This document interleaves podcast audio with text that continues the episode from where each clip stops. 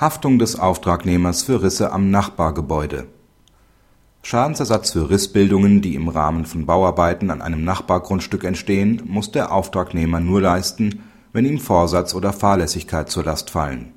Auch besteht kein verschuldensunabhängiger nachbarrechtlicher Ausgleichanspruch des geschädigten Eigentümers gegen den Auftragnehmer. Der Auftragnehmer führt für den Auftraggeber Bauarbeiten durch. Dabei kommt es zu Rissbildungen an dem Nachbargebäude, einem alten denkmalgeschützten Fachwerkhaus. Der Nachbar führt die Risse auf die Verwendung einer Rüttelplatte zur Verdichtung des Bodens zurück.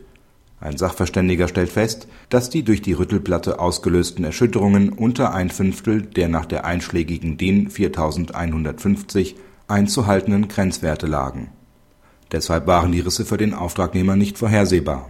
Der Nachbar verlangt deshalb die Beseitigungskosten für die Risse nach § 906 Absatz 2 Satz 2 BGB weil der Auftragnehmer wie der Eigentümer des Baugrundstückes innerhalb des nachbarlichen Gemeinschaftsverhältnisses stehe. Der BgH weist die Klage ab.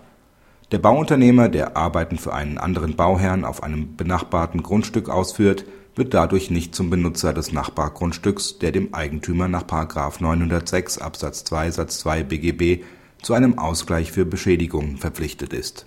Eine solche Auslegung des § 906 Absatz 2 Satz 2 BGB ist nicht möglich denn der Bauunternehmer steht außerhalb des nachbarlichen Gemeinschaftsverhältnisses.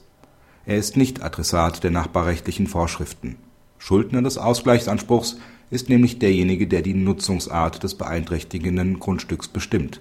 Eine solche Befugnis kommt dem Bauunternehmer nicht zu, wenn er für den Auftraggeber nach dessen Weisungen auf dem Grundstück tätig wird. Praxishinweis Der BGH prüft in dem Urteil auch ausführlich, ob eine Rechtsfortbildung der verschuldensunabhängigen Haftung nach dem Veranlasserprinzip geboten ist. Diese Frage verneint der BGH. § 906 Absatz 2 Satz 2 BGB bildet dafür keine geeignete Grundlage, denn dies würde im Ergebnis zu einer verschuldensunabhängigen Deliktshaftung zu Lasten des Bauunternehmers führen.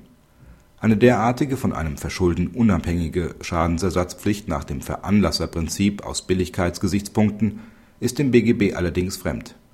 Schadensersatz kann der Nachbar von dem Bauunternehmen also nur verlangen, wenn dieser die Schäden zu vertreten hat, zum Beispiel weil er nicht nach den anerkannten Regeln der Technik arbeitete